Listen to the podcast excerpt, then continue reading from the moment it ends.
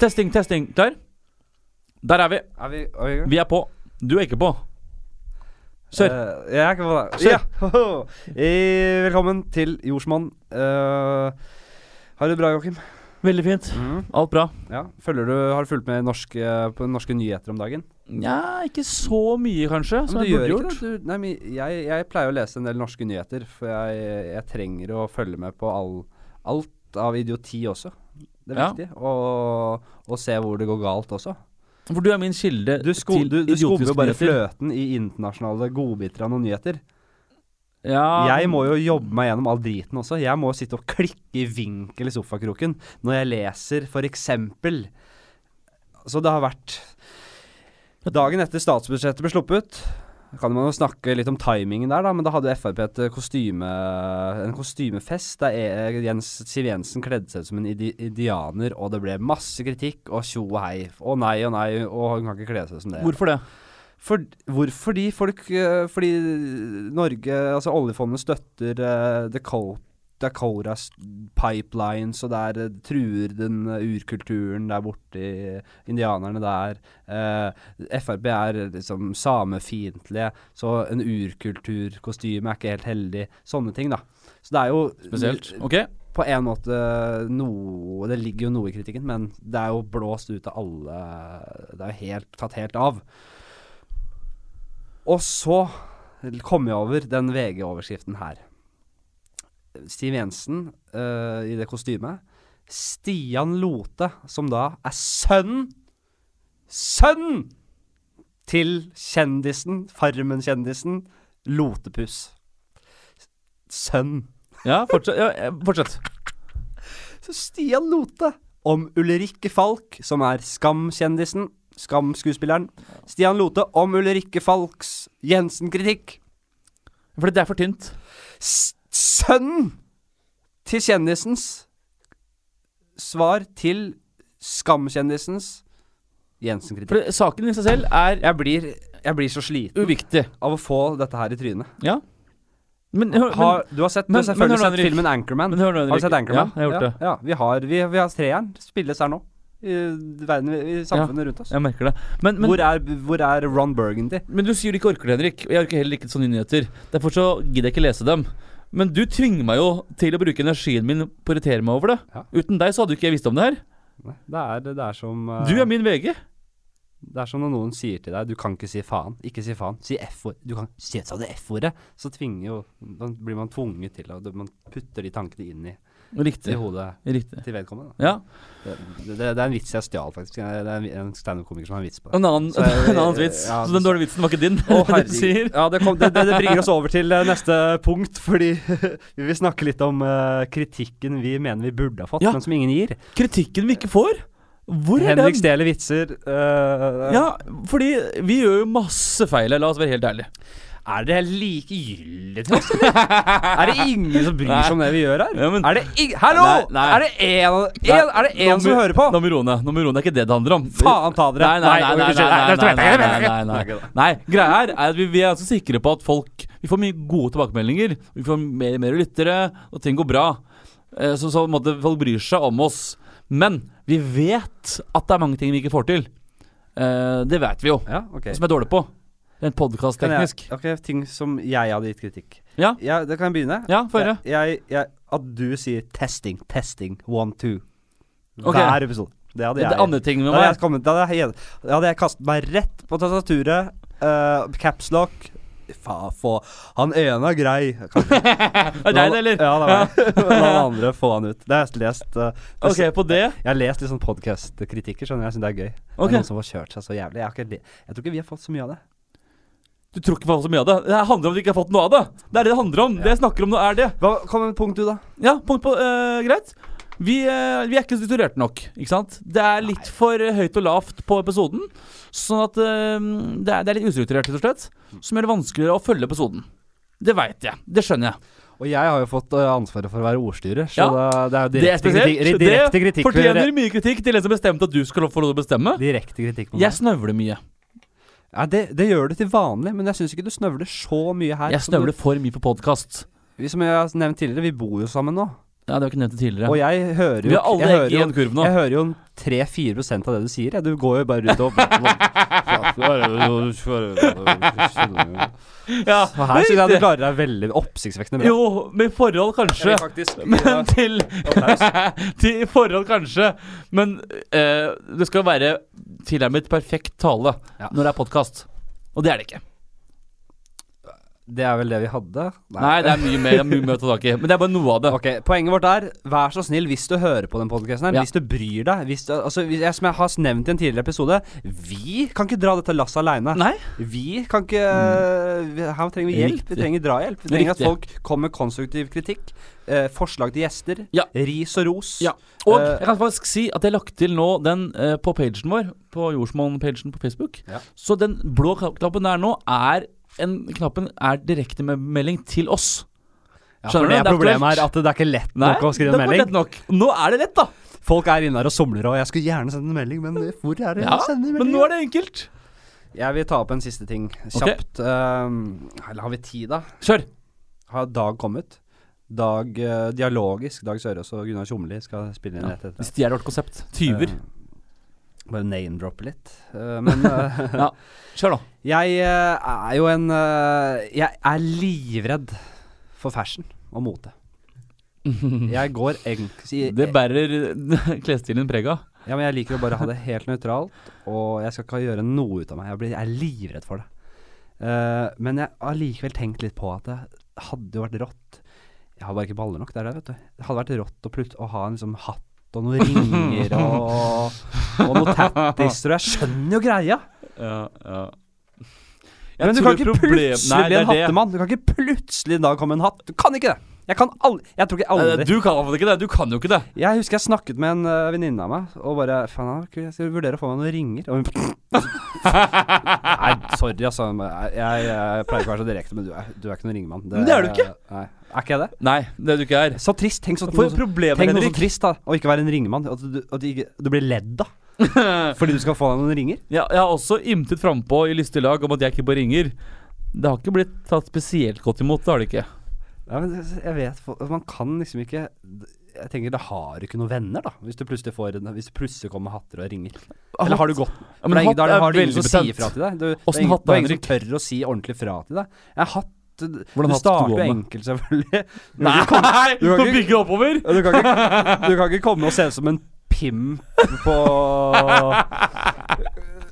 med, med, med, med, pelskopp og sånn der pimphatt. Det er ikke det jeg snakker om. Men du starter lett med en sånn liten uh, dum sånn uh, stråhatt på, fe på festival, og så, og så bygger du ut uh, hatteimperiet ditt. Så kan du ha de villeste hatter og ringer etter hvert. da Det som jeg, jeg merket, da Det som jeg har merket, er at det, når du har Hvis du er en fyr med tattiser, med sleeves, med hatt, med ringer, så har jeg ofte i mange år sånn, tenkt, sett nesten litt opp til det. Eller opp, jeg har tenkt at det, "Faen, her er det, en- dette han må være ganske rå. når, han, uh, har gått, Ja. når han har baller til å gå med de greiene der. Jeg blir jeg skjønt alltid skuffa. ja, alt, Du går så hardt ut. Ja. Det du sier, er jo at uh, du, du, du, du, du er jo bare et tomt skall. Skallet ser for så vidt fint ut, men når du snakker med dem, så er det jo bare Det er tull! Ja, Det er ingenting. jeg opplevde det også. Bare et tomt skall. Ja. Så jeg, har reflektert en del rundt der og kommet fram til at det, kjør enkelt. Ja, svart T-skjorte og jeans. Kjør enkelt, og så får Ja, heller ja. eh, bygge opp uh, med personlighet. Hør. Jeg får bare Det var det. Konklusjonen på den saken. Det, ja, det er bare en barnslig drøm. Ja. Jeg skal ikke Nei, jeg skal ikke ha noe av det. Nei, ring. Kanskje jeg skal prøve en gang. Jeg fikk jo, jeg fikk jo, det er jeg jeg fikk jo Jeg er ringer i ørene. Så du det? Når jeg var i Colombia? Ja, det så jeg. Jeg trodde Ja. du hadde rabla helt for deg. Jeg, jeg, holdt på, jeg holdt på å ringe moren din og få deg henta hjem igjen. Jeg, Jeg hadde jo, jeg hadde jo faktisk eh, en ring i hvert øre i Colombia. jeg trodde det hadde rabla for deg. Jeg, kjente ikke igjen min gamle venn. jeg hadde det i en uke i strekk. Jeg, Hvorfor fikk du det? jeg, nei, jeg ville prøve det. Eh, liksom. Tenkte jeg, Nå er muligheten til å gjøre det. Til å prøve om det er en greie som jeg vil gå for. Eh, det fant jeg ut at det ikke var ganske fort. Jeg synes det så ut som en ganske homofil pirat. Det jeg tenkte At det, det her, dette her fikser jeg ikke. Dette er ikke meg. Nei. Eh, det var på Snap-storyen min, eh, og det, det er der det har vært. Du vet, eh, jeg vet ikke om du har hatt hund, jeg, Joakim. Nei. Eh, men når hunder Når eieren tar på hunden f.eks. Uh, noen klær Ja. som en hund ikke skal ha, så blir de flaue. Du ser de går rundt, og det, de, kroppen blir sånn tung. Litt sånn Å, dette her er ikke særlig kult. Sånn blir man kanskje litt. Eh, Så var det sånn du følte det? Nei, jeg måtte jo eie det. Ja, Jeg jo- måtte bare gå rundt og virkelig eie de ringene. Jeg går ut og være flau. Du kan ikke gå rundt Men men med det på henda eller i ørene eller hatt og være flau over det. Nei, Er du hadde blitt- Jeg hadde vært det. Jeg hadde ikke klart å bære det med. I, i, I Colombia kan gjøre det. I Colombia altså, er det lettere å gjøre sånne ting enn i Norge. Hva hadde du gjort da, hvis jeg plutselig en dag kom med hatt? Du hadde ledd deg i hjel. Og jeg hadde ikke klart å eie det. Jeg hadde sett Nei, som, du jeg sett ut som en flau bikkje. Jeg hadde, Jeg kjenner deg, Henrik. Du hadde ikke eid det. Ikke, det er ikke deg. Det er ikke noe du kunne gjort. Åh, jeg eh, Men som jeg sa, jeg, jeg, jeg er helt klart nærmest å få et par ringer. Altså. Jeg syns det er helt ville ringer. Ja. Du får, vi, får, vi får se, Henrik. Vi får ta en tur sammen, vi to, på butikken, og så ser vi hva, hva det blir til. Så vi finner noe som passer. Ja, det må vi gjøre. Jeg tror nei. Husk å Husk å få være så snill, for faen være så snill, da. Og skrive et par. Skriv, kan jeg skrive ett ord til oss? Negativt. da er jeg fornøyd. Negativt. Det er fint. Kritikk. Ja, kritikk. Ja, Ja, ja. Det skal være hardt som faen. du- nå har du skjønt det. Henrik, vi må videre. Det kan være Det kan være Det kan være Gå på utseende. Altså, jeg, jeg, jeg er fornøyd. Bare, vi får en Utseende, ja. Hvis vi får en ettord i, på Instagram og ett ord på Facebook, så er det en god start. Ja. Skriv et bokstav, da. Ja, nei! Jeg vil ha et nei! Nei. Stopp! Slutt. Gjør noe annet! Slutt. Spill heller Fifa. Slutt. Ok. Uh, nå kan du ta introduksjonen. Ok, ja. I dag har vi med oss Reier Møll Sjåder. Han Tre er- etternavn? Er det tre etternavn? Nei, Reier er fornavnet hans. Oh. Nei, nå fordummer jeg. jeg. må Ja, du, ja, veldig jeg jeg, spesielt. for- Ja, men det har alle tenkt nå, fordi Reier er, men det er et rått navn. Det er et fornavn. Ja. Aldri hørt det før. Han er eh, Det er fornøyelse å høre et navn for første gang. Vi har for mye om navn. Det er kritikk dere må gi oss på navn. Det er ikke så viktig med navn hele tida. Hvert fall. Deg om det. hvert fall. Han er ekspert på Saudi-Arabia. Har vært der nede selv. Har en master i religionsvitenskap. Og ga oss en grundig innføring i historien eh, til Saudi-Arabia. Hva er status der nå, og hva kan skje i Saudi-Arabia framover? Var det en grei oppsummering, Henrik? Det var ikke en grundig innføring i historien, Fordi det er, det, vi hadde ikke så, så god tid. Jeg, Så, gjør- jeg, jeg gjør folk nysgjerrige, Henrik. Ja. Jeg får dem hekta. Men eh, jeg, jeg, har, jeg visste i hvert fall veldig lite om Saudi-Arabia. Nå vet jeg mye mer, og koser meg skikkelig. Ja, det er målet med det her. Så, kjære lytter, kos dere med vårt intervju med Reier Møll Skjolder. Kos dere. Hei.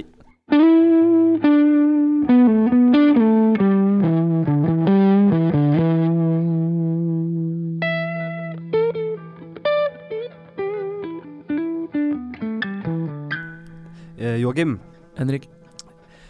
nå vet jeg at du har lest opp litt, men før du begynte å lese opp om Saudi-Arabia, hva var det du kunne Hva kunne du? Hvis jeg hadde spurt deg sånn Ok, kjapt, hva vet du om Saudi-Arabia? Hva hadde du sagt da? Um, for litt tid tilbake så ville jeg sagt at det var et av de mest vestlige landene i Midtøsten. Ja vel? Uh, og det er bare på bakgrunn av at det er et sted- man reiser mest til. Man hører om at folk ferierer der. Ja, blander du med Qatar og Eh, og ja, det er godt mulig. Ja, ikke sant? Jeg vet ikke. Ja. Ja, altså jeg kan jo ikke noe om det. Det om har du snakker om den suppa nedi der. Helt ignorant. Uh... Selvfølgelig. det Ja. Jeg har en podkast fordi jeg ikke vet ting. ja. Det er også samme her. ikke sant? Bare hørt om okay, rikt land. uh, kvinner får ikke kjøre bil, og det er eh, dårlig, uh, de er ikke så gode på menneskerettigheter, for å si det mildt. Uh, forbindelser til USA, men jeg, har veldig, veldig, veldig lite om det ytterligere om det, liksom. Og ja. Så derfor har vi fått inn uh, vår gode mann Reier Møll Sjoder. Hallo, hallo. Velkommen. Takk skal du ha. Ja. Vi er, vi er glad i navn i denne podkasten her, så vi må alltid gå litt i dybden når det kommer et eh, navn som det. Reier Sjo- Sjoder, hvor, hvor kommer det fra? det? Møll Møll Sjoder. Sjoder, ja. Er- Reier er den gamle norske versjonen av Reidar. Møll kommer fra utenfor Mandal på Svalbard, og Sjoder kommer fra Tyring i Nigeria. Så Ja. har du en god miks. Mm. Reier er Det er ikke mange som heter det. Det er rått navn. Eh, nei, det er ganske Vi har ikke tid til å bruke mye det, Dette har vi ikke tid til. Vi har ikke tid til. Vi har så mye innom. Snakke om navnet hans. Ok. Du, du liker ikke ordet ekspert, og det, det, det, det holder jeg med deg i. Altså. Mm. Det, det blir brukt i hytt og pine. Men uh, du har over gjennomsnittet peiling på Saudi-Arabia. Du har bodd der. Ja da, jeg er sikkert sånn nerdete opptatt av Saudi-Arabia, men jeg er ikke noe glad i ordet ekspert. Så derfor så sier jeg bare at jeg syns det er kjempegøy og er veldig interessert, og har sikkert mye peiling, men ekspert kan man plassere på de som har en doktorgrad eller som forsker på disse tingene, tenker jeg. Det Ja. syns jeg liksom er sånn riktig plassert. Ja. Ok, Mm. Du kan mye. Ja, jeg vil jo Altså, ikke, jeg er jo sørlending, og vi skal jo være ydmyke, men sånn, jeg, jeg kan sikkert mer enn de fleste i Norge, i alle fall. Ja. Ja. Kan jeg bare, før vi begynner, hva fanget interessen din ved Saudi-Arabia? Litt er det jo fordi at jeg har bodd der nede, og så har jeg studert en, eh, en grad i Midtøsten-kunnskap og tatt en mastergrad i religionsvitenskap. Så det er jo et, er et fascinerende land, liksom, både altså, religiøst, økonomisk, eh, altså folket, kulturen. Og så er det jo òg at det er så utrolig forskjellig fra Norge på så veldig mange områder. Og det gjør jo at eh, jeg har en sånn interesse i å prøve å forklare hvorfor folk gjør som de gjør. Det er litt sånn det man gjorde når man lærte på universitetet, og det er jo litt det det er blitt med Saudi-Arabia òg. At man bare de gjør så mye rare ting, og så har man lyst til å forstå hvorfor driver de på med alt det de driver på med. Uh, og så har det, har det nok òg en sånn liten ting med at jeg bodde der nede under den arabiske våren.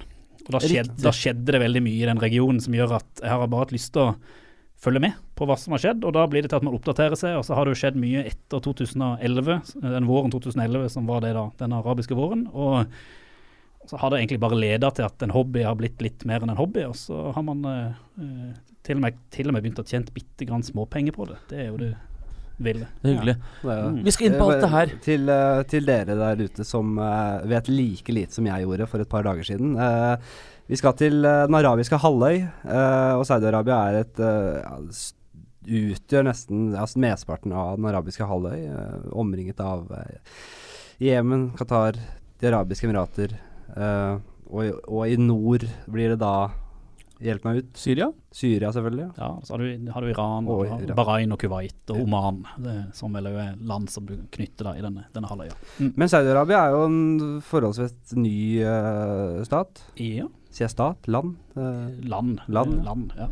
Kan vi ikke bare gå litt tilbake? Hvor er det var opprinnelsen til, til eh, Saudi-Arabia? Ja, altså man, man kan jo velge hvor langt du vil gå tilbake. Jeg tror Hvis du skal se på landet, så ble det danna i 1932 av en, eh, en leder, en stammeleder, så kan man vel si, som het Ibn Saud. eh, som da sammen med en del andre allierte krigere altså de, det, var, det har vært masse kriger på den arabiske halvøya mellom ulike beduinstammer som kontrollerte ulike områder. Og han slo seg sammen da, kort forklart, sammen med en del andre allierte og erobra området. Eh, og da etablerte denne staten i 1932, som han da kalte eh, altså staten for Saud-familien, og, og, den, og eh, Saudi-Arabia, altså ja, Ibn Saud sin, eh, sin egen stat. Så det er jo derfor det heter Saudi-Arabia. Det har jo ikke noe der har det ikke noe religion, religiøs tilhørighet, men så er det jo sånn da at uh, islam oppsto i det som nå er Saudi-Arabia, med Ja. Mekka og Medina som eh, de to av de mest kjente byene. Eh, så dermed så har det en veldig tett tilknytning til, til islam, fordi at eh, disse landområdene ligger innenfor landegrensene til Ja. Saudi-Arabia. Så Her, her gjelder det å holde tunga rett i munnen, ja. Fordi øh, det, også, det, det er tre Jeg kan ikke si tre faser av Saudi-Arabia. Altså har, har, Saudi-Arabia har oppstått, og så har det blitt uh, trukket tilbake, og så har de prøvd seg igjen opp igjennom. Jeg vet ikke hvor interessant det er, jeg. Men det har vært øh, Men det er det Saud-familien hele veien som har uh, Det har vært, har vært så vidt, altså, det har vært tilknytta denne Sau- Saud-familien hele veien. Men det, har, det er sant som du sier at det har vært noen dynastier som har oppstått og som har danna en stat, og så har det blitt slått ned av et annet dynasti som har laga en stat, og så har de kommet tilbake og lagd en litt større stat. Men i alle fall den Saudi-Arabia-staten som vi kjenner i dag, er den som da ble starta i, i, begynnelsen, altså før 1932, og ble, ble på en måte oppretta i 1932. Og jeg tror ikke, kanskje ikke man trenger å gå sånn dypt inn i det historiske. Det finnes masse gode Ja. bøker å lese seg på, på, den, på den type ting. Men så dør si jo King Ibn Saud i 1953. Og da er det ikke helt rett fram uh, hva som blir arverekken videre. Er skal du, skal, du skal Mm. hoppe så langt fram, ja? Ja, skal vi ikke? Nei, det tror jeg ikke. Vi, vi, Imponerer meg. Ja, ja, fordi han Ibn eh, Så bare si det helt klart der. Vi, navnene sliter vi Jeg sliter Det er så mange navn, da, i denne familien, og eh, de er ganske like, alle navnene, så det her kommer vi til å slite. Ja. Men det grunn, kan ikke bare gå, grunnleggeren av moderne, det moderne Saudi-Arabia Mhm. Kan vi, ikke gå, kan vi ikke gå starte Eller gå øh, kan, kan vi ikke holde oss til der han, når han tok, den, tok makten, eller opprettet Saudi-Arabia, da? Som vi Jo, kjenner altså. Som han, Abdulaziz bin Saud, som da er denne karen som da ble konge først. Eh, det han gjorde, det var at han eh, eh, Litt forenkla, han eh, gikk i allianse med eh, en del en, det man kan kalle en religiøs gruppering. eh, som, man da, som het Ikwan, som ble på en måte hans sin hær for å erobre disse områdene. Denne ikvan-grupperinga er det man ofte nå kaller som wahhabisme, eller veldig konservativ islam. Eh, som da var inspirert av en sånn predikant på 1700-tallet som, eh, som mente at eh, islam var altså, eh, en meget bokstavtro konservativ tolkning av islam, om det går an si det sånn. Eh, Ibn Saud brukte denne her hærgrupperinga til å erobre eh, landområdene. Og så ble det en konflikt mellom denne religiøse herregrupperinga og eh, Saud, så han slo ned de aller, aller fleste. Men han har da bygget, staten ble bygga på at denne Saud-familien tar ansvar for det strategiske, altså det sikkerhetsmessige og statsstyring, mens denne grupperinga som da kommer ut fra det som man da kaller ikwan, veldig forenkla, tar ansvar for det sosiale og liksom altså det, det religiøse og det moralske. Så hele staten har alltid vært fundert på denne pilaren om at Saud-familien har på en måte statsansvaret, mens denne religiøse grupperinga har det moralske ansvaret for staten. Og for å bygge allianse, så denne Abdelaziz Abdulaziz bin Saud, han gifta seg med så ekstremt mange damer, fordi at det var den måten man skapte allianser på. Jeg tror han hadde opp mot 40-45 koner, men han kan bare fire på en gang. Så han Ja. gifta seg jo, fikk barn, skilte seg fra noen, gifta seg med nye, osv. osv. Ikke sant? Og så skapte allianse ved å gifte bort til uh, folk med innflytelse, som Ja. vi kjenner så godt. Så dermed så fikk han jo jeg, tror jeg, jeg tror jeg hadde noen tall som jeg tok med her bare for å, for å huske, men han fikk jo ekstremt mange eh, barn. Vi trenger ikke gå inn på det, men eh, det er jo liksom denne kongefamilien da, og de barna som etter hvert danner den store kongefamilien som man har hørt om i Saudi-Arabia, som da etter når de formerer seg, blir flere tusen, tusen mennesker. Ja, ikke sant. For det Mm. er, det, er, øh, det er rett og slett hans brødre og sønner som regjerer, har regjert fram til nå nylig. Ja, altså er det, selv i dag, kanskje. Selv, selv i dag. Altså man, man, har, man sier det i Saudi-Arabia at man har sånn første generasjon, andre generasjon og tredje generasjon. Ja. Og de som, eh, Han var jo da første generasjon, og så vil jo han få en del, eh, spesielt en del sønner, og det er hans sine sønner som har regjert Saudi-Arabia helt fram til i dag, og ennå gjør det. Eh, og så ligger det an til at sønnene, altså barnebarna til Im Saud, snart vil ta over. Ja.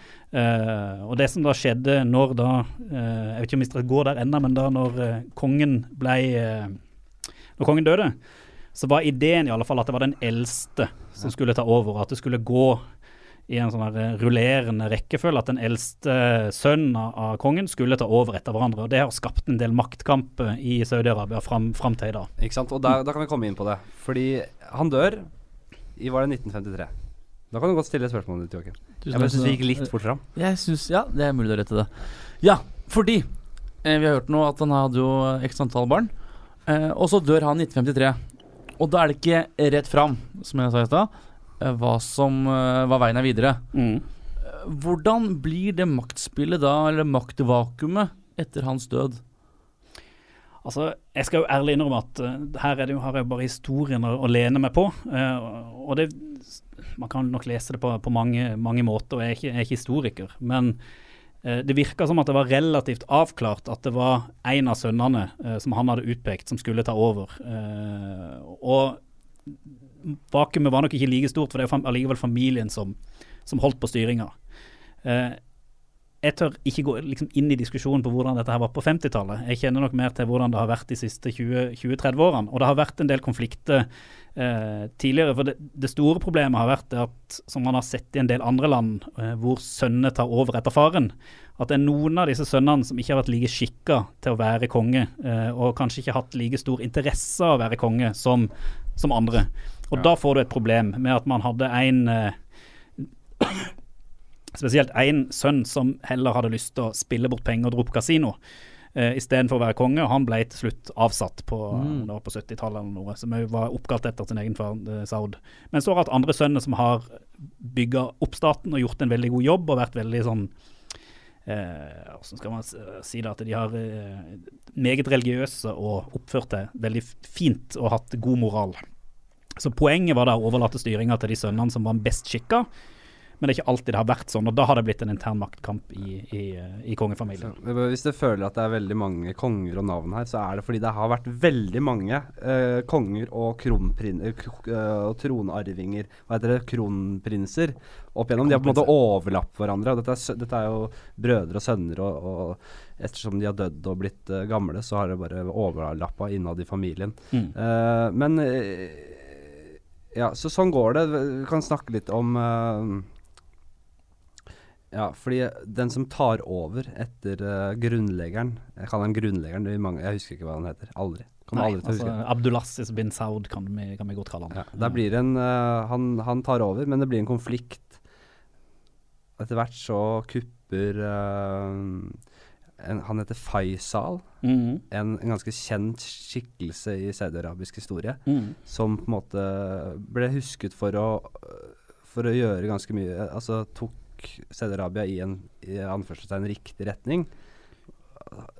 Ja. Før han ble drept av et eget familiemedlem litt senere. Men hva, hva var det han gjorde? Nei, altså eh, Uten å gå veldig inn i detaljer på historien. altså det Nok Faisal er kjent for det at han, han eh, var vel den første som prøvde å modernisere Saudi-Arabia liksom vekk fra denne veldig sånn stammetilhørigheten samfunnet til å prøve å ta det inn i en, en ny tid. og Det henger nok også sammen med at, eh, som vi sikkert kom inn på tidligere, at Saudi-Arabia oppdaga jo at de hadde oljebakken, og, og den type rikdom har, har bidratt veldig til å kunne utvikle land, landet, landet videre. Ja. Men så var det nok òg det at, og nå er det godt mulig jeg sier noe feil, da, men at Faisal gjorde eh, Saudi-Arabia litt mer altså, liberalt, og nå sitter jeg med hermetegn her i studio, med at han eh, gikk litt bort fra en veldig sånne grunnleggende religiøse prinsipper, og at man fikk en liten clinch som har vært egentlig i Saudi-Arabia helt fram til i dag. Denne clinchen mellom eh, progresjon og utvikling av staten og det religiøse og det kulturelle kanskje som man har holdt fast med, og hvordan skal man forholde, disse to tingene forholde seg til hverandre. Uh, og hvis man går uh, et, veldig viktig årstall, hvis man ser litt bort fra kongetallene, er 1979. For Saudi-Arabia før 1979 var mye mer liberalt, og du kunne ofte se damer gå i gatene uten slør, i korte skjørt, uh, enn det var etter 1979. Eh, for det første som skjedde i 1979 var denne revolusjonen i Iran, hvor de religiøse kom til makta og kasta sjahen. Det andre var rett og slett at det var en veldig konservativ religiøs gruppering som okkuperte profetens moské i Mekka, som er det helligste stedet i islam, Ja. i, i, i flere uker i en protest mot at de mente at kongefamilien hadde fravika islam, og de ville eh, en- på en måte presse fram at eh, den konservative, litt mer eh, bokstavtro måten å, å leve på var den riktige måten å leve på. Og da, eh, dette opprøret ble slått ned eh, 20-25 dager etterpå, men det har vært en ringvirkning veldig lenge. altså Helt siden 1979 har det, har det vært en mye mer tettere kobling mellom det religiøse og det verdslige enn det var Ja. før. Altså rett og slett ref, reformene eh, under Faisal og de, og de tidligere kongene gikk for fort, rett og slett. Men det, liksom, det, er no, det har man vel sett i Iran, og man ser det kanskje i Tyrkia nå. Mm. Litt Eh, det samme. Men, Ja, og, og, og det, er jo, det er jo derfor det i har vært en veldig tett kobling mellom det religiøse og, det verdslige i, i Saudi- Saudi-Arabia. og, og selvfølgelig, Jeg var ikke født i 1979, men det er jo det er i det man blir fortalt, at eh, Saudi-Arabia som folk besøkte før den islamske revolusjonen, var ofte mer liberalt enn det Saudi-Arabia man besøker i dag. Så det er ikke alltid det at det er en sånn progresjon, en linje på utvikling av landet, kan gå i bølger. Er det mulig å trekke paralleller til sharialover? Ble de Var det der endringen lå, at det ble så lagt mer vekt på det?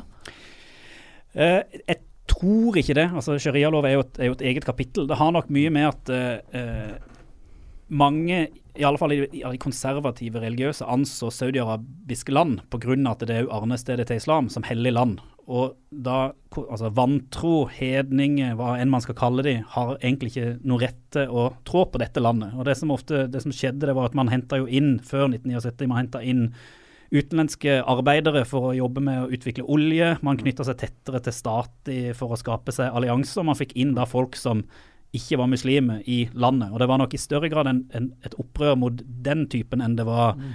et ønske om å rette ut altså, Skjønner. til, til sharia, Sharialoven har alltid ligger der. Det er jo noe i seg selv, det er jo en tolkningslov, det er ikke noe fast. Men eh, jeg tror ikke du skal trekke de parallellene helt, nei. Ok, jeg skjønner. Mm, hvis det var forståelig. Jeg tror det. Ja. Ok. Så, ja. Så Sånn har det gått. Det har vært uh, Saudi-Arabia er styrt av en familie.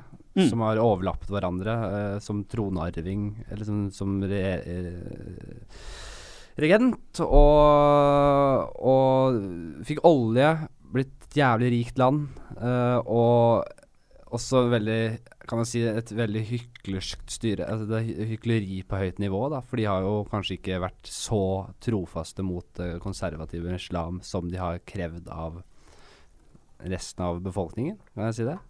Ja, du kan nok si det. Eh, Jeg har hørt mye historier. at på en side så, kan man si selvfølgelig er de hyklerske, og på annen side så er det jo fullt, fullt forståelig. Eh, de er jo en, en kongefamilie som er uhyre rike. De er vel en kongefamilie på jeg tror det er 7 000-10 000 medlemmer til sammen, hvis du ser på alle i leddene fra grunnleggeren av, av Saudi-Arabia. Uh, og uh, det de ofte har altså Det er jo sånn man kanskje gjør i andre land, at man har brukt det religiøse som et fundament for staten. Altså de, de, uh, kongen kaller seg jo sjøl altså custodian, det er vel beskytter eller noe på, på norsk, av de hellige moskeene. Altså Han har tatt en tittel som er en religiøs tittel uh, for å legitimere sin rett som konge over dette landområdet som er religiøst. Uh, så det, men det er jo ikke alltid at de har fulgt kanskje de mest konservative religiøse påleggene, eh, det, med at det, du ofte får tilgang til ting og tang som du kanskje ikke bør ha tilgang til hvis du skal være veldig konservativ.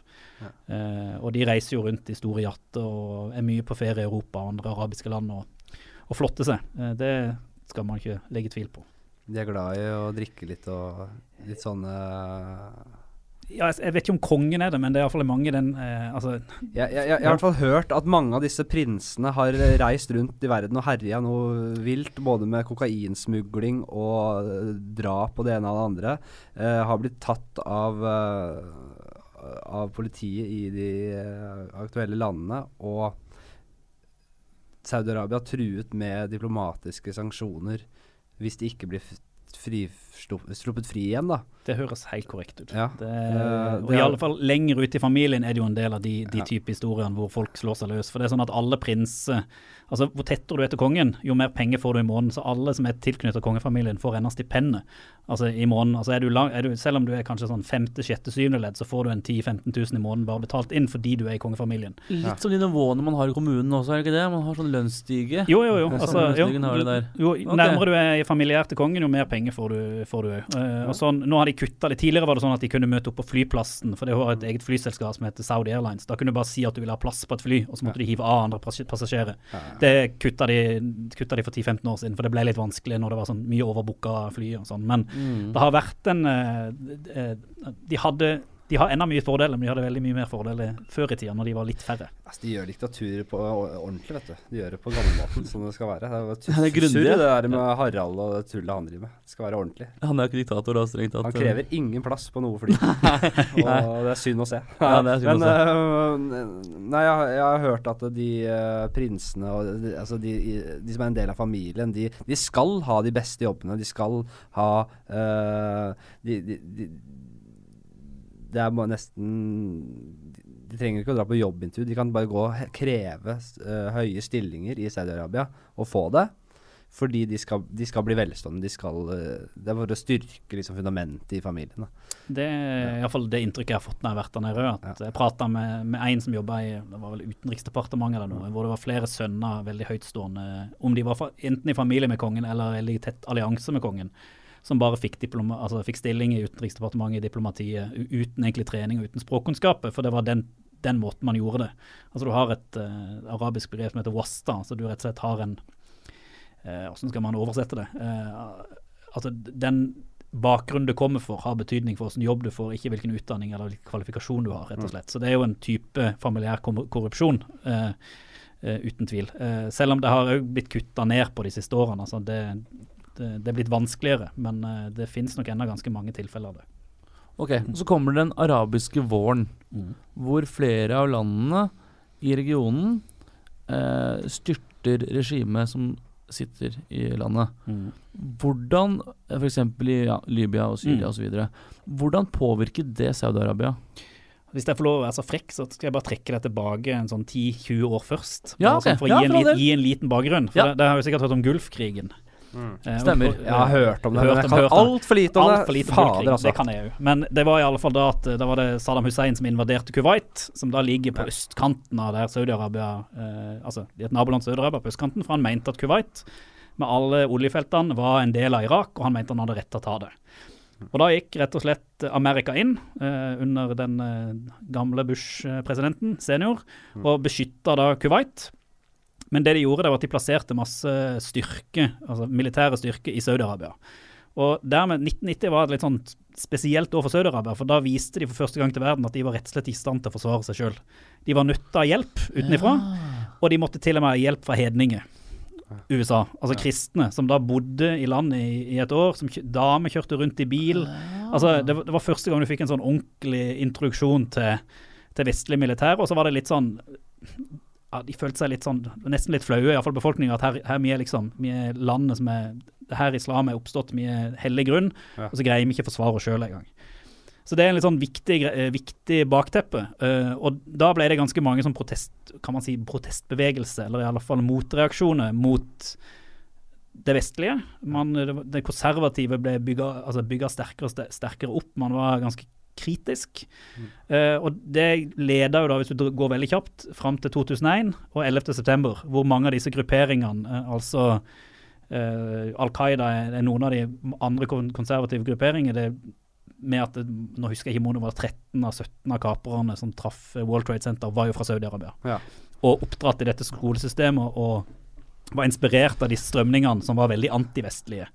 Men, Så, det, men, eh, men det er jo det man har hørt, ikke sant? At, Mm. at eh, USAs involvering i Afghanistan, i Irak, altså Mm. det har vært på en måte indirekte grunn til moderne terror, da. Ja, si det så altså, enkelt som det. sånn sett, ikke sant. Altså, det var jo, uh, man sendte jo masse jihadister til Afghanistan med støtte av USA, bl.a.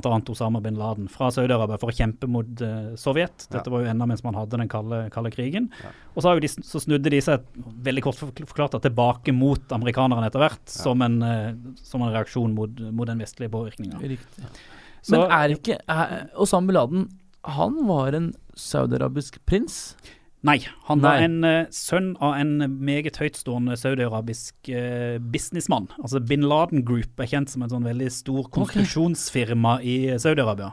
Som jeg tror har gått konkurs nå, men de har, de har bygga De har vært en av de største eh, firmaene som har bygga nesten alt i Saudi-Arabia. Eh, så han tilhørte den familien der, eh, og, okay. eh, og ble da etter Altså i forkant av av 9-11 så ble han kicka ut av Saudi-Arabia, for de mente han var for konservativ, og han opponerte mot kongefamilien. Så han søkte tilflukt i, tilflukt i Sudan og Khartoum og sånn, men det er en, det er en, det er en annen historie. Da skjønner jeg. Ja. Og dette bakteppet her er viktig for den arabiske våren. ja, for det, som da, det som da skjedde etter 2011, det var nei, 2001, det var at Saudi-Arabia skjønte at vi, vi, må, vi må nærme oss Vesten på en litt annen, annen måte. Vi kan ikke bare si hjemme og sitte og si at alle vestlige, alle kristne, eh, nå forenkler jeg veldig da, er, er hedninger, Også utad prøve å skape allianse. Eh, Så man, man bygde jo da et mer autoritært styre, hvor alle, spesielt konservative og liberale motstemmer, ble dempa, de ble fengsla, de ble arrestert. eh, og den type ting. Og man la seg veldig mye nær, nærmere andre, de andre autoritære regimene i, i, i Midtøsten, som gjorde mye av det samme. At man støtta seg til, til vestlige makter for, for å sørge for sikkerheten. Og så undertrykte man i, i stor grad befolkninga for å bevare makta. Det eneste forskjellen for Saudi-Arabia, i motsetning til spesielt da Syria, Jemen, eh, Tunisia og en del andre land, det at de hadde så ekstremt mye penger at de kunne kjøpe seg fri. Med at eh, ingen i Saudi-Arabia betaler skatt. Eh, du får gratis helsestell, du får gratis skole, du får ofte stipender selv om du er arbeidsledig. Altså du, du får veldig mye gode goder av staten. Det eneste du egentlig må gjøre, er å love å ikke gjøre opprør. Altså de, de kjøper seg den friheten. Eh, Ja. Eh, Så når da den arabiske våren kom og begynte å boble, eh, både i Jemen, som ligger da i sør, som er et veldig fattig land, i Oman, på den ene kysten, i Bahrain spesielt, men òg litt i Kuwait og Qatar, eh, så så man, eh, spesielt av befolkningen i Saudi-Arabia, så hva som skjedde. Og at eh, det var, altså, de hadde det ganske bra fra tidligere, eh, fra før, med det økonomiske. De hadde kanskje ikke friheten, men de så at det kanskje ikke var verdt å kjempe for den samme type friheten, for man har iallfall den økonomiske friheten. Eh, for de som har det fælt i Saudi-Arabia, er i hovedsak gjestearbeidere, og da kvinner eh, som ikke har den samme friheten. Ja. Eh, så Nå går man inn i en sånn historietime. Så den, den arabiske våren var mer en, en, en sånn en oppvåkning og en redsel for at, uh, at den arabiske verden endrer seg rundt Saudi-Arabia. Saudi-Arabia i seg sjøl endra seg egentlig ikke sånn veldig mye, men det var liksom den autoritære verden rundt og alliansene. For det at USA gikk jo plutselig og trakk støtten til Egypt, de trakk støtten til tidligere allierte. Så Saudi-Arabia måtte begynne å orientere seg i et litt sånn nytt, nytt landskap, Ja. om det går an å si det sånn. Men det, det var det vi var litt inne på Mm. før vi begynte her, med mm, Saudi-Arabia kjøpte og betalte Eller holdt nede mm, opprør. bare kjøp, Man kjøpte og ga, Man kasta ut seg med penger Mm. for å holde opprøret nede. Og da vi var inne på at, at Saudi-Arabia samfunnsøkonomisk har vært helt ute å kjøre. Kan vi snakke litt mer om det? Ja, fordi eh, Ja, det Ja, må det gjerne, Mm. Og nå vil jeg gjerne bare det du, For det du skisserer her med at de hadde fri Lav eller ingen skatt, fri skole, eh, stipend til de som ikke jobber, fri helsehjelp Det høres veldig ut som kommunisme. ja, det, det kan du sånn sett, eh, sånn sett si, bare at jeg tror de har, de har mer penger enn det man kanskje hadde i Russland på, eh, på den tida. Eh, sånn som det er lagt opp, i alle fall, sånn som eh, jeg husker og har fått det forklart, er at eh, de får, altså i alle fall mens oljeprisen var veldig høy, så Ja. fikk man inn ekstreme mengder penger på dette statsbudsjettet. Ja.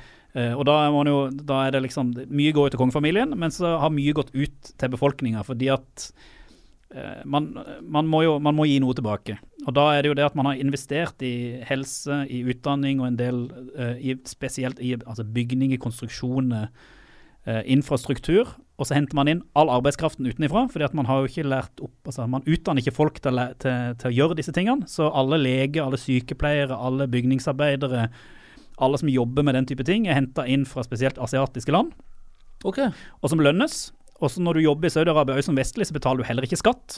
Så det at alle disse pengene går jo eh, direkte i lomma på de som arbeider. Men du, du får bygga opp en veldig fin, fin stat. Eh, og så får du eh, og så er jo befolkninga relativt fornøyd, fordi at man man gir ganske Altså, man blir lært opp til at man er på en måte alltid beskytta av den store far, altså kongefamilien. Men eh, da har man heller ikke noe rett til å gjøre opprør, fordi at eh, de sørger for alt for deg, og da får du pokker meg være fornøyd. Riktig. Men hva gjør den gjengse saudiaraber da? Til vanlig? Hva jobber de med? Altså, det har nok endra seg de siste 50 årene, men de aller fleste jobber i det offentlige. Og da er det sånn at du, du har en jobb i det offentlige, men du jobber ofte ikke så veldig mye. Altså, du, no, noen gjør selvfølgelig det. Ikke helt ulikt i Norge, tenker du på? Nei, altså- Nei det, er, var tull. Det var tull. Det Nei, var- altså, nå, nå jeg har jo av og til sammenligna litt med. Norge, bare en sånn ekstremversjon. Ja. Uh, med at de, de, mange av de står på lønningsliste, men de møter ikke opp. Altså Man har en mye mer lojalitet til familie enn man har til arbeidet. Uh, og arbeid er bare en måte å få en viss inntekt på. Uh, og det har vært det store økonomiske problemet til Saudi-Arabia de siste 20 årene. Det er at de får ikke saudiarabere ut i privat sektor, for da må de arbeide. Eh, og da får de ofte dårligere betalt, og de er ganske lite produktive. Så Derfor henter man inn arbeidere fra andre land til å gjøre den type eh, arbeid. Fordi at du, det er mye mer produktivitet, og de koster mye mindre. Ja. Eh, Ja, de er jo ikke late. eh, nei. Og, og det er fælt å si at saudiarabere er late, for mange er jo kjempeflinke. Men det er det du sier. Ja, altså I, i det store si bildet så er de vel heller De har ikke interesse for å jobbe. Kanskje. Og så blir de ikke lært opp til å jobbe okay. gjennom skolesystemet. Så det er et strukturelt problem her at man legger opp eh, Man har veldig mye religiøs utdanning i skolesystemet. Riktig. Man lærer ikke uh, altså håndverksoppgave. Man lærer egentlig ikke uh, den type, de ferdighetene man trenger for å kunne delta i arbeidslivet. Mm. Uh, og så har jo kvinner òg i tillegg ikke De begynner å få lov nå, men de har ikke fått lov til å delta i arbeidslivet, for da må de omgås menn. Og det er jo heller ikke så bra, men det kan vi komme tilbake Det til. kan vi komme tilbake til. Fordi sånn uh, Ved første Hva blir det? Ørekast? Nei, ved første fint, det. ørekast så høres det jo ikke så halvgærent ut, dette her. Men For deg, nei, eh, som elsker det, det, det gode livsstil, så er det helt suverent. Å, fy faen. Det er bare å sitte og spise Slippe å jobbe. sherry tomater. Uh, Ja, Og få asiatere til å sjekke helsa di. Men uh, Saudi-Arabia er jo ikke eh, utad veldig kjent for å At det det er, ikke- de er ikke på toppen når det kommer til menneskerettigheter og, og, og Hva skal jeg si Kvinners rettigheter står ikke eh, sterkt i det hele tatt. Det har jo vært uh, hvordan, er det å, hvordan er det å leve Er det veldig klasseskille, eller hvordan er det å leve der borte? Altså, det er jo Jeg har av og til omtalt det som et litt sånn kjønnsapartheid. Ja. At uh, som mann, uh, nesten uansett eh, hudfarge og etnisk opprinnelse, så har man det OK. Altså, nå kan man skille ut disse gjestearbeiderne som kommer fra fattige asiatiske land som en egen kategori, men man, da har man bevegelsesfrihet. Man har mulighet til å gjøre egentlig det man, det man vil. Uh, man kan uh, det, det, er nok mye friere der enn man, enn man tror. Altså, det er ikke sånn at det står folk på hvert gatehjørne og passer på at du oppfører deg pent. Nei, men er, du, du, har noe Mm. som heter mutawwa. Ja, du har, eh, som da er det religiøse politiet. Og sharia, da. Eh, og, som da går rundt og passer på at folk oppfører seg sømmelig i det offentlige rom. For det, er det er jo det som kanskje er det viktige å forstå med Saudi-Arabia. Kanskje det er forskjell fra en del andre land i, fleste land i andre land i verden, at det offentlige rom, der skal det være sømmelig opptreden. Og da skal man passe på at eh, menn og kvinner som ikke er i, i, i slekt, Ja. ikke omgås, for da kan det oppstå eh, både Da tror man iallfall at det kan oppstå farlige eh, relasjoner, at man kan gjøre ting som er imot religiøs moral og, og, og Men hvordan møtes da mann og kvinne, hvis, de, hvis to er single? Nei, det er jo en, en egen historie i seg sjøl. Heldigvis kan man si nå, så har det kommet masse fine apper.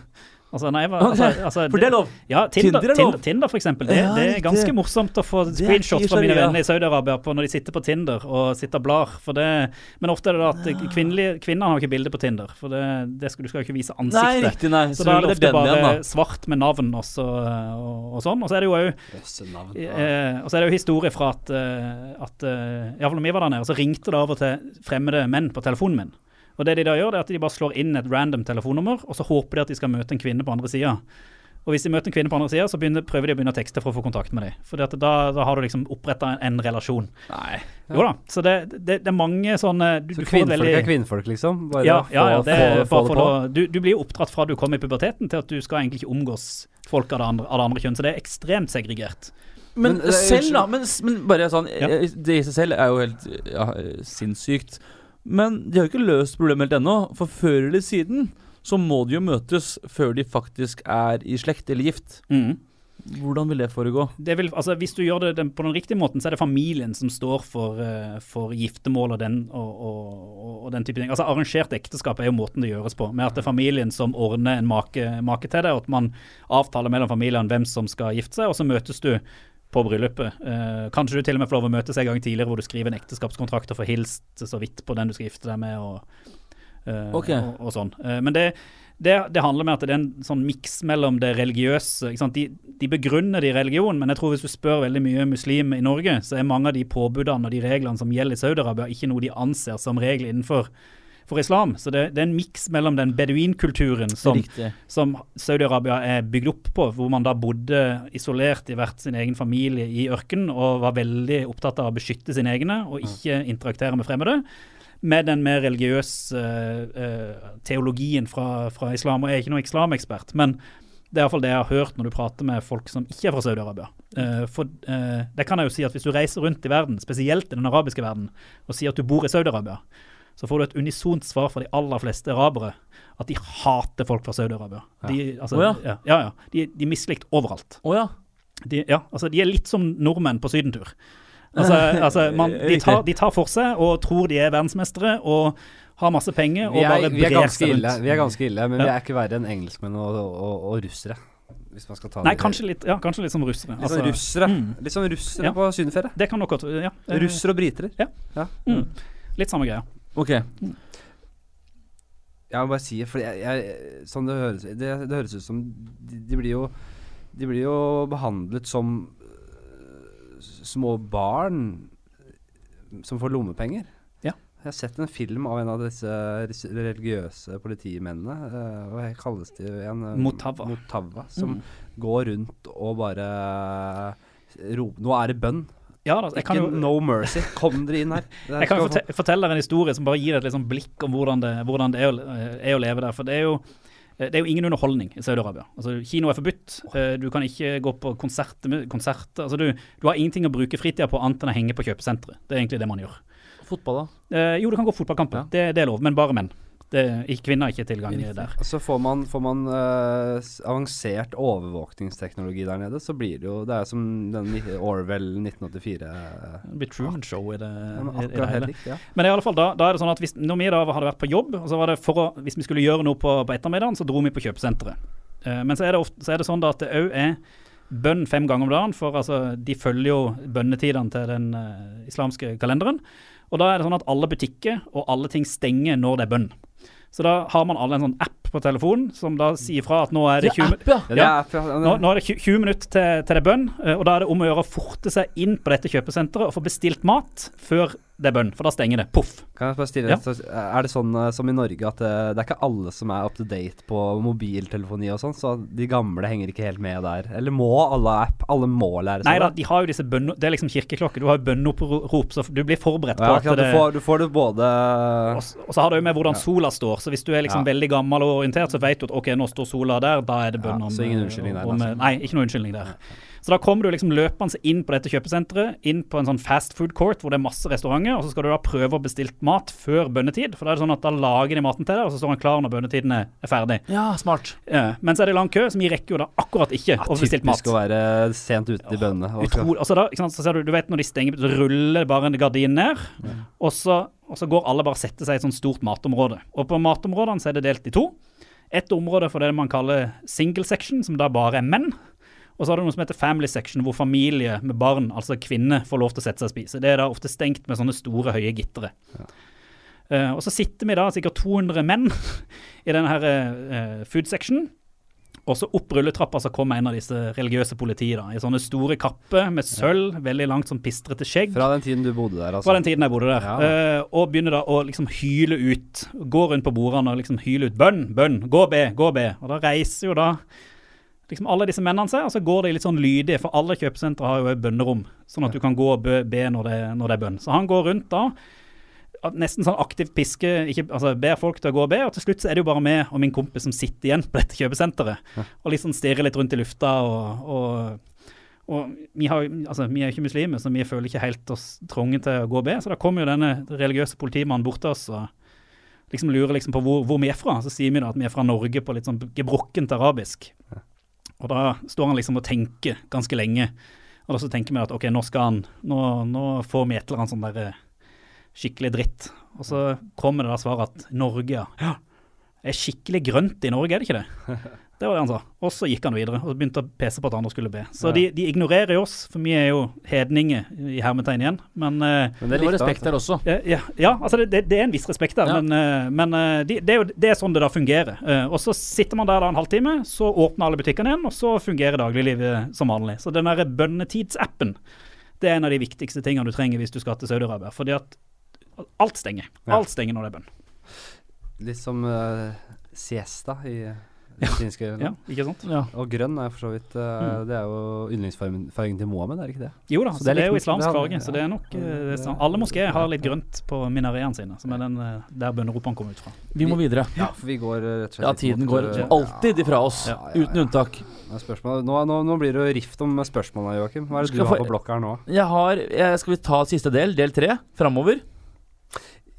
Jeg, jeg ønsket bare så Jeg må bare komme litt inn på Som jeg var inne på, var inne på innledningsvis, med um, Nå er tiden imot oss. USA, USA og Saudi-Arabia. Mm -hmm. uh, USA har åpenbart er veldig glad i olje. Har sikkert uh, kjøpt en god del olje fra Saudi-Arabia opp igjennom. Jeg Mhm. vet at uh, USA har solgt veldig mye gammelt krigsmateriell til Saudi-Arabia. Opprustet militæret. Ned, eller byttet ut sitt eget. Solgt liksom B-varene til Saudi-Arabia. De har veldig, det er veldig connection. Mm. Og, og så er det mye konspirasjonsteorier. Jeg vet, ikke- kommer ikke, ikke tid til å gå inn på det, vet du. Men hvordan hva er det reelle forholdet til Saudi-Arabia og USA? man kan si altså Saudi-Arabia er vel, og var i alle fall, verdens største oljeprodusent. Uh, som gjør at de sånn sikkerhetspolitisk og økonomisk for verdensøkonomien er veldig, veldig viktig. Uh, så relasjonen har vært at det var amerikanerne som kom til Saudi-Arabia for å utvinne oljen først. Og så fant de oljen og bygde opp et selskap, og så ble det selskapet som da nå heter Saudi Aramco, solgt til den saudiske stat. Men de har alltid brukt mye amerikansk kunnskap uh, og, og, ja, og den type ting for å utvinne oljen. Men så har, men så har det jo USA importert ekstremt mye av den oljen til seg, så de har vært avhengig av saudisk olje. Så har det jo vært Saudi-Arabia sin måte å skaffe allianse på, for de har sett at de, treng, de kan ikke stå alene i verden, de må bygge allianse. Og det, en av måtene å bygge allianse som man ser spesielt nå, det er at man kjøper eh, mye militærutstyr fra utvalgte land. USA, Frankrike, eh, nå Russland, Kina eh, og Storbritannia. Eh, ikke at man har tenkt å bruke våpnene, men man har så mye penger at man holder en hel industri i live. Og da er de òg denne relasjonen mellom spesielt USA og, og Saudi-Arabia den, blir- den blir holdt pga. at eh, Saudi-Arabia bevarer arbeidsplasser. Og de eh, bringer olje på bordet. Nå trenger nok ikke USA oljen like mye som de gjorde før. Men det har vært den, eh, den relasjonen har vært der hele tida. Og så har du jo det med Gulfkrigen og alt det som har, har, har skjedd tidligere, at den alliansen har hatt så stor betydning for begge land, både sikkerhetspolitisk, økonomisk og, og militært. Eh, og for så vidt eh, sånn for arbeidsplasser. At uh, det er nok litt av grunnen til at den har, har vedvart hele veien. Og så kan vi nok, hvis vi, skulle, vi kunne brukt en time på å diskutere bare det. Ja, men, egentlig. men Men, jeg eh, vil bare si kjapt inn på altså, du, Så har du jo USA som selger masse uh, våpen og tjohai til Saudi-Arabia. Mm. Og fra Saudi-Arabia kommer terroristene, altså kjente-terrorister som sto bak uh, 9-11-angrepet. Uh, dette har jo Her er det jo grunn til å Det er jo grunnlag for konspirasjonsteorier, kan du si det. Ja. Så her selger de våpen til til, sted, til landet der terroristene kommer fra. Og dette har jo skjedd, Du tenker på sånn? dette har skjedd Ja, gjentatte ganger, ja. da. Uh, så Du prøver å si at de selger til et land uh, som har terrorister, ergo er de med på å finansiere terrorisme i eget land? Nei, ikke nødvendigvis Saudi-Arabia, men det er jo Det har jo skjedd før, dette her. Jeg tror du Man vet jo aldri hvor det blir av, men de har ikke full kontroll på det. Nei, det er nok sant, men jeg tror du skal skille litt mellom, mellom La oss si da terroristene og staten Saudi-Arabia. Ja for staten Saudi-Arabia er kongefamilien. Ja, og de har en, en religiøs begrunnelse om at det er kun de, altså kongefamilien, som får lov til å erklære det man da kaller jihad eller hellig krig, eller den type eh, ting. Og folk som da gjør det uten å ha fått godkjennelse av kongefamilien, sånn som f.eks. Al Qaida, blir da erklært som fiende av staten, fordi at det er kun riktig, staten ja. som har mulighet til å erklære denne type ting. Så dermed så er det en helt rasjonell forklaring, selv om det ikke høres sånn ut, at hvis folk fra Saudi-Arabia begår terrorhandlinger, men de ikke er sanksjonert av staten, så kan man bare si at de har ingenting med oss å gjøre. Ja, riktig, Selv om ja. det lært-. Selv om vi har lært de opp i den ideologien, og selv om ideologien er ganske lik, så kan du kun få lov til å gjøre dette når kongen sier at det er OK. Riktig. Og det vil også svekke øh, kongefamilien dersom folket gjør det. Derfor så er det faktisk reelt også at de mener det når de sier at de er fiender av staten. Ja. eh, Så, så dermed så kan, jeg, kan man skjønne den konspirasjonsteorien, men for staten i seg sjøl så er det helt åpenbart at eh, for, når man, folk dro til Syria for å krige, så var, sa, kunne kongen si at dette var OK.